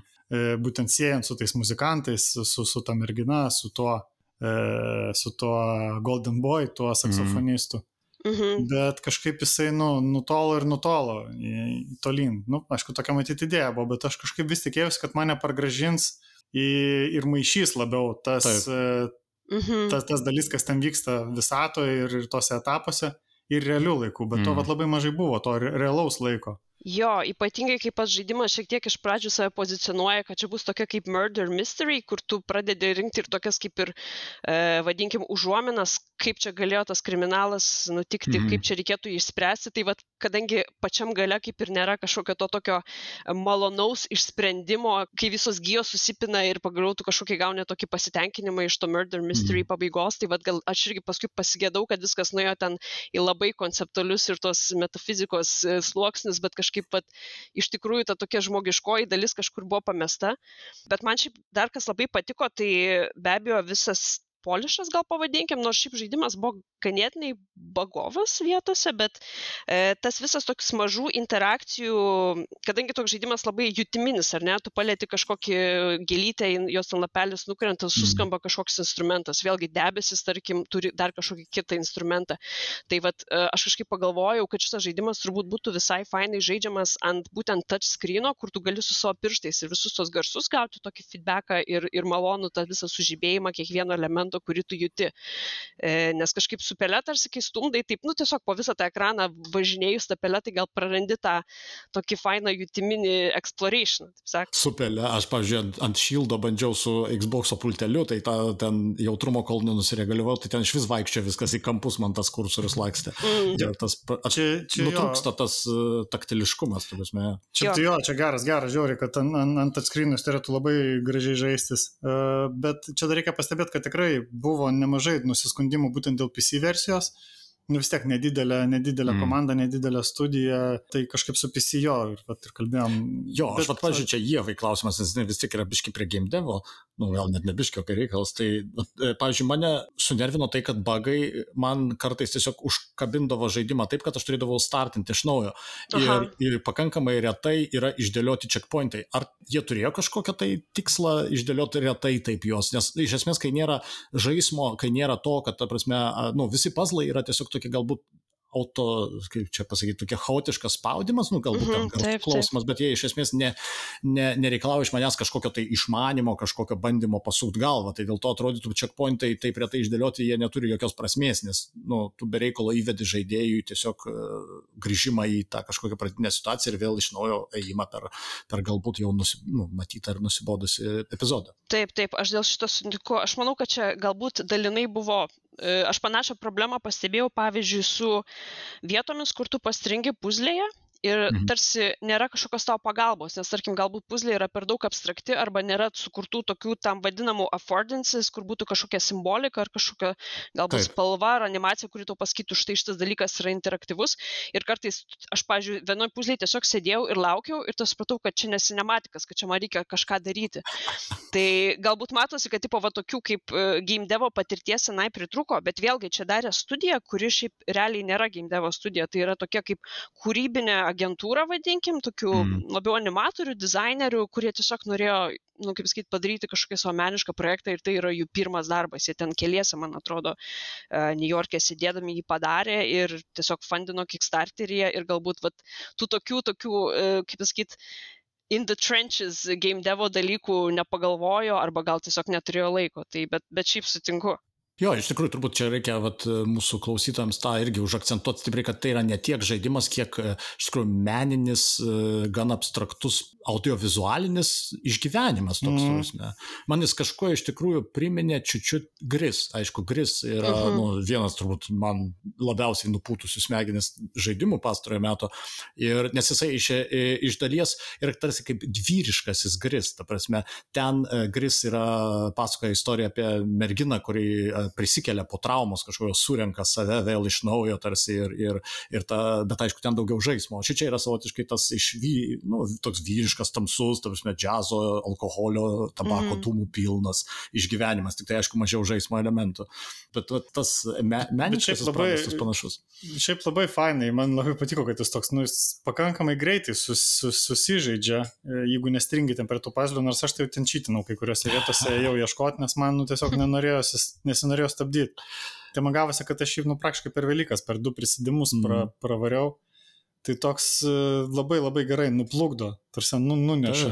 Iš Jo. kur ten galima buvo visai gudriai sugalvoti, pavyzdžiui, va, ten ties vienas pazlis, kur su Richardu šnekėjom ir kur aš irgi biškiniravosi, ten, kur tokias reikia šviečiančias baltai geltonai sferytės sujunginėti ir paskui tokios susiformuoja juodos sferytės, tai ten iš esmės vėlgi e, pasakojama yra nu, ten yra neorganinės chemijos junginiai ir iš, iš tikrųjų tos formos, kurias tu sujungi, tai iš tikrųjų yra cheminio, cheminių medžiagų junginiai įvairūs, kurie atseit tarsi viens po kito formuojasi e, jau iš tų, iš tų paskirų dalelių ir paskui jau susiformuoja sudėtingesni, sudėtingesni, tada kitame epizode tu jau susiduri su labai sudėtingom jau organinės chemijos medžiagomis, bet vis dar negyvybė ir tas medžiagas irgi jungi ir paskui jas ten, jie ten viens kitą su kitu nori daugintis ir ten iš tų dalekų dėlioja tokį dievą žaidibiški.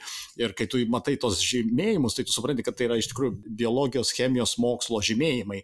Ir kuriejai galėjo iš tikrųjų galbūt šiek tiek, būtent kaip tu jie ir sakei, pamėtyti tų tokių pėtsakėlių, kurie tau leistų daugiau sukabinti. Tai ne, ne vien tik žiūrėti tai kaip į abstrakčias formas kažkokias, kad tipo kažką bim, bim, bim suspaudys ir susijungs, bet turėti tą pamušalą prasmės, kad va čia yra vandenilis, čia yra galbūt degonės atomas ir jos sujungs, gausi vandenį. Nu, kažkas va iš tos operos. Žodžiu, tokios edukacijos biškai padaryti Jo. daugiau įmanoma. Man tai iš tikrųjų karts nuo karto būdavo minčių, kad šitas žaidimas būtų visai ok tiesiog kaip šortas, kaip filmas ir aš žiūrėčiau kokiam blonę laisvai. Ta prasme, nes iš tikrųjų kartais va tokiais momentais, kai tu pastringi arba tarkim, kai tu gali kontroliuoti to žaidimo tiekmę, ten, nu nes tu gali kai kur vaikščioti, tarkim, tiesiog su klaviatūra, kai kur e, gali rinktis, kaip tu greitai scrollini kažkokias tokias cinematinę labiau dalį.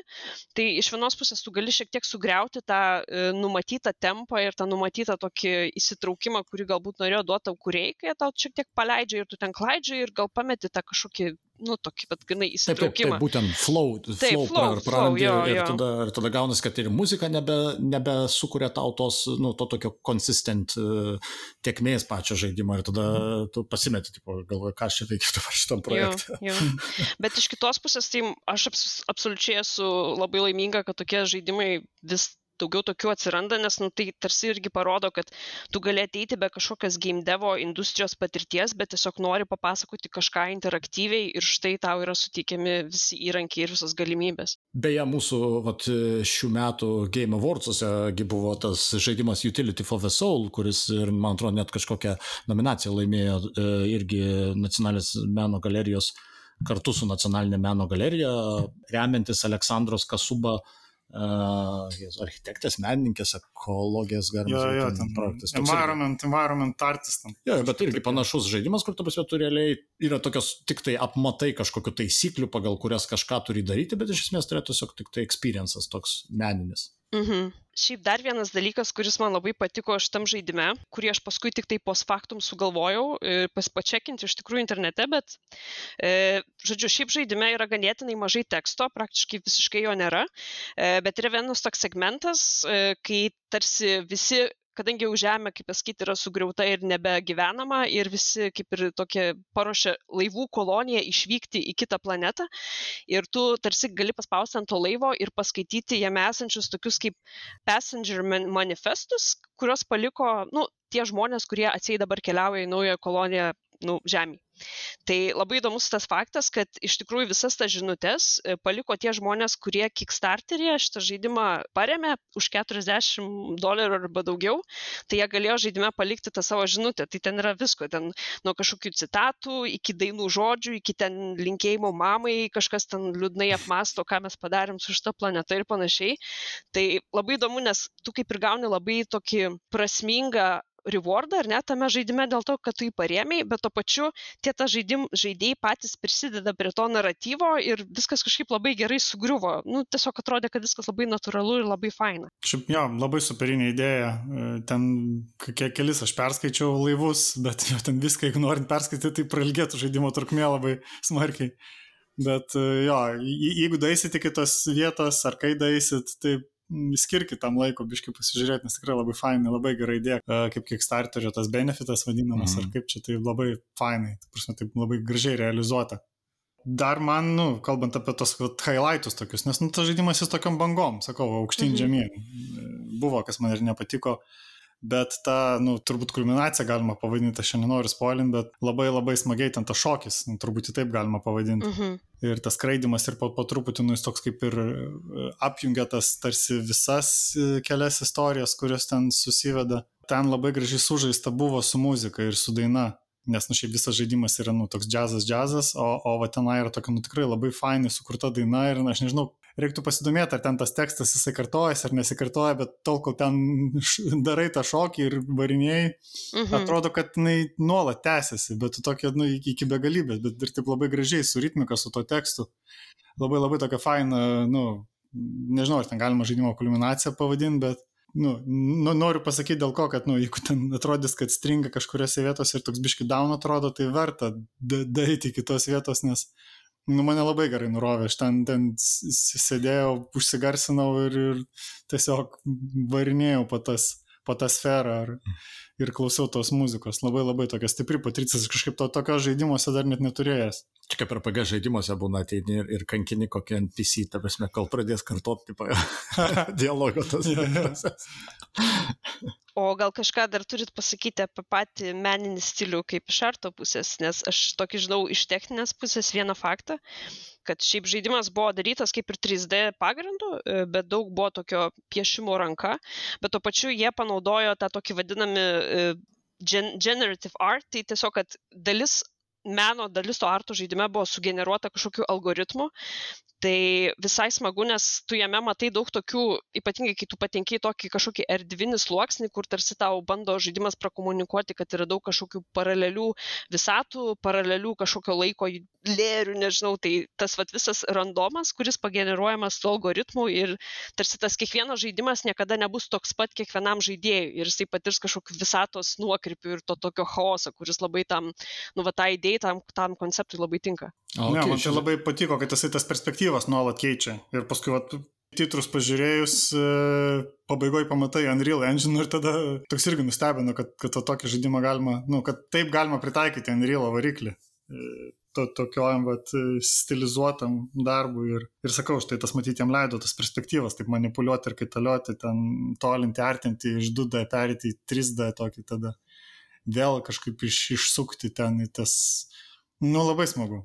Nu, Ta prasme, kad nu labai tų, tų fainų tokių efektų vis, vis tokio netikėtumo vat, atneždavo būtent tas e, pa, pasikeitimas vaizdo. Nes atrodo, nu ką tu ten padarysi su juodai baltu, žinai, ir linijomis nupieštų artų, bet, e, bet ten tiek tos įvairovės, e, bent, bent jau man pasirodė, kad nu jis toks vis, vis sakau, vis stebina, stebina, stebina. Jo, tikrai vertas dėmesio, tikrai ne- nedaug užims ir kantrybės ne, nereikia. Jo, jo, ten net sus, sus- susikaupus, nu, Mm. skiriant laiko, net gal ir jisai vienu prisėdimu labai fainai susijėtų. Netgi susijętų, jeigu tiesiog žiūrėtum kažkieno let's playų, turbūt be Jo. komentarų.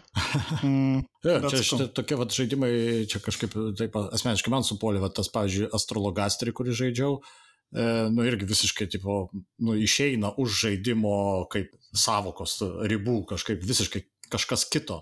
Ir tokie eksperimentai labai, labai viltingai atrodo, nes, nes tai rodo, kad e, pati rinka bręsta ir jau tai ne, nebėra tik tai tokie pabaksnojimai į tą vandenį, bet jau tikrai tokie, nu, vat šitas projektas e, ir kiti, ta prasme, tai tai savotiškai tai kaip, kaip man tai primena tą laikotarpį, kai didžiosios studijos žlugo Hollywoodo, nu nežlugo, bet tarkim ten jas suskilo, ten bankrutavo, tarkim, ir, ir staiga kiną pradėjo kurti visi, visi nepriklausomi kino kuriejai, kurie, kurie jau nebekartojo studijų, tiesiog iš, nu, studijų, tarkim, braižo nebandė pakartoti, tiesiog ieškojo naujų kažkokių išraiškos priemonių ir jiems tas leido sulaužyti daug visokių taisyklių ir kanonų. Ir šitokie žaidimai, laužydami tos kanonus, jie, jie kuria nišas tas naujiems formoms.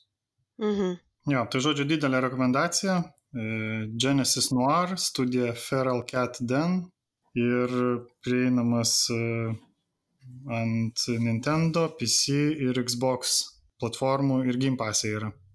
Kitas žaidimas, apie kurį norim pakalbėti, tai nenaujas 2018 metų Sea of Thieves, e, bet, na, jisai tas yra vadinamas ongoing žaidimas, ilgai besitęsiantis, jis va čia ir BAFTO'is, BAFTA nominacijose buvo, E, Simai, tu jį daugiau žaidėjai. Papasakok šiek tiek, kodėl tu vis dar jį žaidėjai ir kodėl tokį, na, kelių metų senumo žaidimą verta dabar nerti, pavyzdžiui.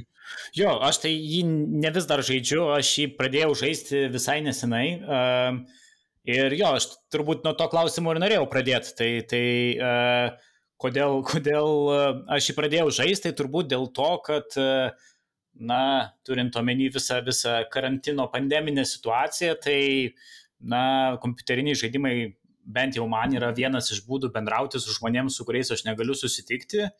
Ir, na, bėgant laikui, einant tiem žaidimams, norisi vis surasti kažkokių a, naujų, nebandytų patirčių, kažką, kažką įdomaus ir, ir tą, kas leistų ir pabendrauti su žmogum ir, ir, ir kartu kažką naujo patirti, pamatyti, na, galbūt išeinančio iš to tipinio multiplayer uh, rėmo, kur, kur, kur, kur dominuoja tam tikras COP, e, na, frameworkas, ar, ar, ar tai būtų ten competitive kažkoks e, shooter, shooter ar, ar fighting game'as. Tai jo, tai tokiu būdu aš tą, tą žaidimą kažkaip jisai man grįžo į, į omenį mano ir, ir nors aš jį turbūt pradžioj buvau ir numojęs ranka, nes, na, multiplayeris, massively, reikia PvP, negalėjo išvengti, na, ne mano padelis arbatos, bet Bet jo, aš jį pabandžiau ir dabar aš, aš, aš noriu būti jo ambasadoriumi ir reklamuoti, kad, kad turėčiau daugiau su kuo jį žaisti. Gausi, gausi iš Microsoft'o kokią papūgą, dovanų. nu, labai tikiuosi, labai tikiuosi. Brangios tos papūgos, tai, tai, tai būtų gerai. Bet jo, tai kuo jisai įdomus turbūt netgi ir na, žaidėjim, kurie, kurie, kurie nebandė ir, ir jiem kyla klausimas, kodėl reikėtų uh, na, grįžti prie jo ar, ar uh, išbandyti, tai, na, bent jau man tai buvo tikrai uh, toks malonus atradimas, kad uh, Sea of Thieves, uh, nepaisant to, kad jis yra didelio leidėjo, tai uh, Xbox'o uh, first party didelis žaidimas su dideliu biudžetu, kurį uh, planuota yra na, palaikyti ir, ir, ir, ir stumti ir kad jisai neštų uh, tą Xbox vėliavą uh, metais į priekį, jisai turėjo pilnas galimybės nueiti tuo Game as a Service modeliu. Na, tai yra tie žaidimai, kur, na, yra, nežinau, Division 2, Destiny, na, tokie looter shooteriai, bet, bet na, Games as Service ap aplamai, kur, na, pastoviai išeina nauji update'ai, nauji ginklai, nauji uh, kostiumai, tau reikia vis žaisti, kad pasiektų naujus levelius. Na, iš esmės tai uh, multiplayer, uh, massively multiplayer visi RPG,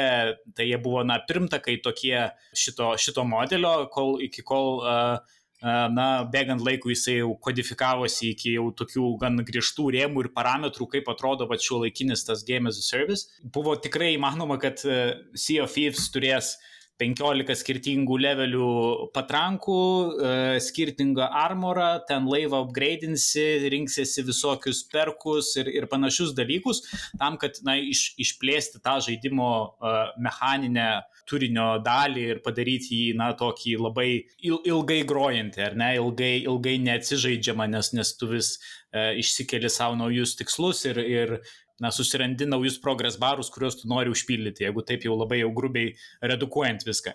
Bet jisai yra visai kitoks, jisai yra atsisakęs visų šitų dalykų, iš esmės perėjęs žaidimo tutorialą, žaidėjas gali, na, iš mechaninės pusės gali padaryti lygiai tą patį, ką žaidimą žaidžiantis daug, daug metų žaidėjas, nėra kažkokių labai uh, esminių blokų turinio prasme, ar, ar, ar tai, ką tu gali padaryti.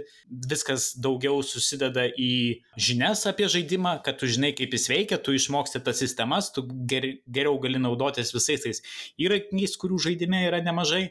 Ir, na, gyveninti tą fantaziją, e, nežinau, pirato plaukiojimo gyvenimo jūrose, lobių ieškojimo, kovos su kitais piratais, na, ta tokia labai, labai viliojančia, bent jau manau, daugeliu žmonių tą pasaką. O tu norėjau paklausti, mhm. tu į vienas pradedi žaisti, ar to iš karto jau reikia turėti nu, kažkokią ten komandą, kažkokį tai kopų su kažkuo? Jo, tai... aš, aš, aš, aš jį pradėjau žaisti vienas, perėjau tą tutorialą vienas, kurį na, reikia po vieną pereiti, bet padariau porą kelionių vienas, nes techniškai tu gali, tipo, solo sloop vadinasi, ten tą, imi mažiausią laivą ir, ir plauki vienas, bet kai susiduri su kitais žaidėjais jūrose, gana greitai pamatai, kokie yra privalumai turėti ką nors kito savo laive.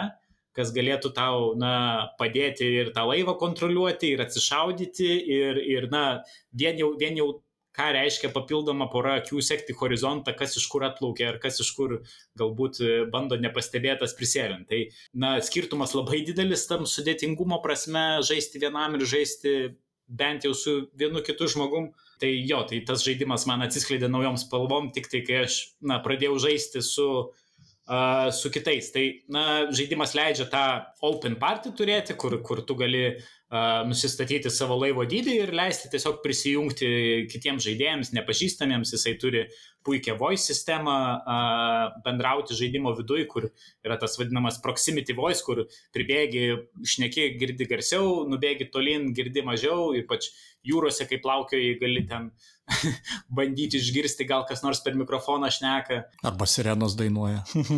nu, sirenų, sirenų lyg ir nėra, žinok. yra, yra Tai tokios... tada nežaisim. jo, yra tokios e, piktos uh, statulos uh, undinėlių, bet, bet, bet sirenų nėra. Tai jo, tai tas, tas žaidimas, ką, linko, linko aš vedu, kad, na, kadangi visi tie įrankiai yra iš karto tau prieinami ir kadangi žaidimas, na, labai norėtų, kad tu žaistum su kitais žaidėjais kartu, jisai yra, na, pilnai susikoncentravęs į tą tokią labai mechaninę ir, na, tą tokią nežinau, mes jau atrodo, nežinau, kilintoj laidai iš eilės sakom žodį taktilišką, bet čia irgi labai tinka ta tokia labai, labai čiupinėjama tą patirtį, kaip, kaip, pavyzdžiui, vairuoti laivą, ar ne. Kituose žaidimuose, tai turbūt, jeigu turėtum questą iškasti lobį ir parveš, pa, pa, pargabenti jį kažkur atgal, tai, na, bėgtum pas kažką, jisai tau sakytų, parveš lobį, tu pamatytum strėlytę, kuri tau rodo į šiaurę, tu plauktum į šiaurę, išliptum saloj, ten tas lobis būtų kokiu nors tašku pažymėtas, tu jį paimtum, įsidėtum atgal, na, toksai fetch questinimas. Na, Sea of Thieves tą visą procesą apipina, na, to, tą visą proceso estetiką, ar ne, kai, ką, ką, ką tu darai, būdamas piratu. Tai tu ne, negauni kažkokią strėlytę, tu gauni žemėlapį. Žemėlapyje neparašyta, kokia čia sala yra, tau reikia pasimti viso to vandenino žemėlapį ir žiūrėti, kuri pagal formą ta sala atitinka šitą, šitą formą, kurią aš gavau. Galiausiai, kai, na, susirandi tą salą, sugalvoji, kur tau reikia plaukti, užlipi prie vairo, tai prie vairo tau nėra to žemėlapio. Tavo žemėlapis yra tavo kapitono toj būdelį. Tai tau reikia atsiminti, kad į kurią pusę tau reikia plaukti, turbūt kiek toli ir turbūt dar pakeliui penkis kartus pasitikrinti, kuri čia ta sala, ar aš, ar aš gal nenuklydau kur nors į kairę.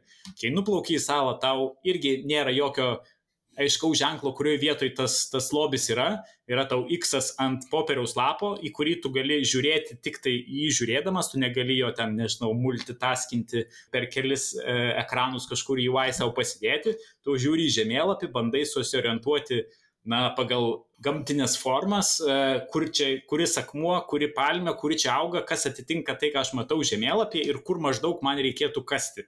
Na ir pribėgi, pradedi kasti ir ten tą lobį kol iškasi, ta skrinė atsidaro, irgi ten kartais būna kažkokių dalykų, kuriuos turi parsinešti, kai neši skrinę nieko daugiau negali daryti, negali šaudyti, nes, nu, skrinė sunki, dviem rankom ją gabeni ten kažkaip. Na tai visas žaidimas pilnas va tokių atmetančių tam tikrą prasme modernų žaidimų dizainą, kur žaidėjas yra labai daug vedamas už, už rankos, ką tau reikia daryti, kada tau reikia daryti. Čia tau patarimas, kad tu neužstriktum, kad, kad, kad tu suprastum, kad tu nepaskrystum. Uh, jisai tuos dalykus atmeta vardan na, tos fantazijos ką reiškia yra iš tikrųjų ten per audrą savo laivą vairuoti, kai tavo kompasas ratu suka ir tu net nesupranti, kas vyksta, ką reiškia ten vėją gaudyti, sukinėjant būrę, kad, kad na, gautum papildomą greičio dozę, nes tave vejasi koks nors ten baisingas keturių žaidėjų laivas visom kaukolėm apsirėdęs. Tai ta fantazija, jinai tokia yra labai, labai paveiki, labai patraukli, man, man jinai uh, žavesnė negu aš gal iš pradžių tikėjausi, bet kitas dalykas, ką turbūt reiktų pasakyti, tai visa ta patirtis, jinai uh, kartu turi ir labai daug tokios negatyvios, uh, ne, negatyvios erdvės, ne, negative space design, toks, toks terminas yra, na, tai, ko nėra žaidime, yra tiek pat svarbu, kiek tai, kas yra. Tai žaidimo metu pakankamai daug laiko tu nedarai kažko labai na, exciting, ar ne? Tu, tu ten tą laivą koregu, vairą koreguoji, na, galbūt laivą prižiūri, dairaisi į horizontą, kur dažniausiai nieko nėra, bet kartais kažkas yra.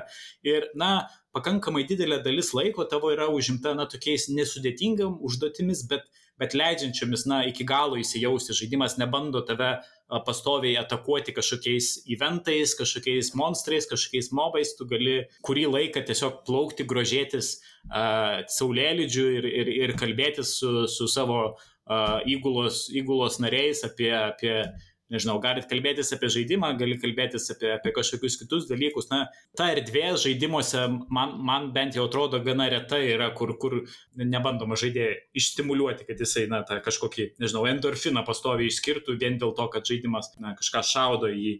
Aš dėl PVP, ar griferiai, griferiai kartais ne, ne nurvini, kokia kultūra yra viduje. Jo, žaidimo. jo, aš kaip tik va, čia ir norėjau paskutinį tą, tą punktą paminėti, ką aš esu savo plane užsirašęs, ta PVP dalis. Tai iš, na, iš pradžių man jinai kėlė tokius, na, dviprasmiškus jausmus, tu ten keliauji tas keliones, ten uh, sunkiai ten kažką darai, na, po to jau lengviau ir, ir, na, tu gali prarasti iš esmės viską, nes uh, na, viską, ką tu užsidirbai. Nu, nes piratai.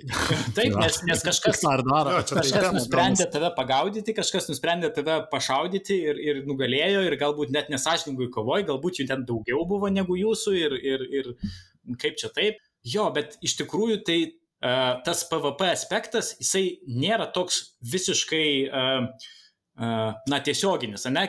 Kitose žaidimuose, ten, nežinau, tarkim, Battle Royale žaidimai, ar ne?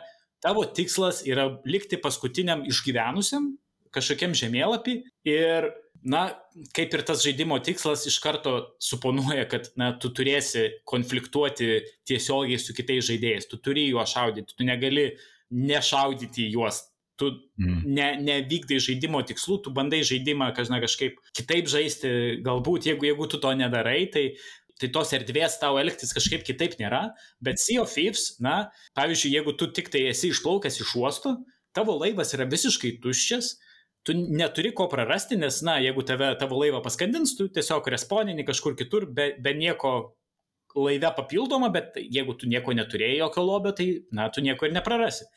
Tai, na, tu, toj situacijoje esi labai turi mažą labai riziką iš tikrųjų. Pačią, pačią tą riziką, kiek tu ten visko prisikaupi tą savo laivą, kol tu grįži atgal į uostą, tu pats valdai. Gali po kiekvieno to žingsnelio grįžinėti atgal ir valdyti tą savo riziką, gali pats krautis tą riziką ant savęs, prisidėti maksimaliai į savo laivą, bet jeigu kas, kas nors nuspręs atimti iš tavęs, na tai tu rizikuoji jau daug daugiau. Ir iš kitos pusės, tai tu irgi pamatai, na, pamatai kitą laivą tolumoje. Na, dažniausiai, dažniausiai žaidėjai mėgsta, na, tos pasišaudimus ir yra netgi specialios sistemos padarytos žaidėjams, kurie, na, mėgsta to kombato, jie neturi atskirą maudą iš tikrųjų žaidime, kad, kuris skirtas vien tik tai dviem laivam ten, ne dviem laivam, bet, na, laivam tarpusavį kariauti ir rinkti lobį, iš, iš karto esi įmetamas į konfliktą. Bet jeigu pamatai tam įprastiniam story maude kitą žaidėjo laivą, na, ne visą laiką tai yra kažkoks priešiškumo ženklas. Nes jeigu kitas laivą, kitą laivą pamatai ir esi tikras, kad jis irgi tave pamatė ir jisai link tavęs neplaukia, tai reiškia, kad jis gal turi kuo rizikuoti, gal pas jį dabar šiuo metu laivas yra pridėtas visko.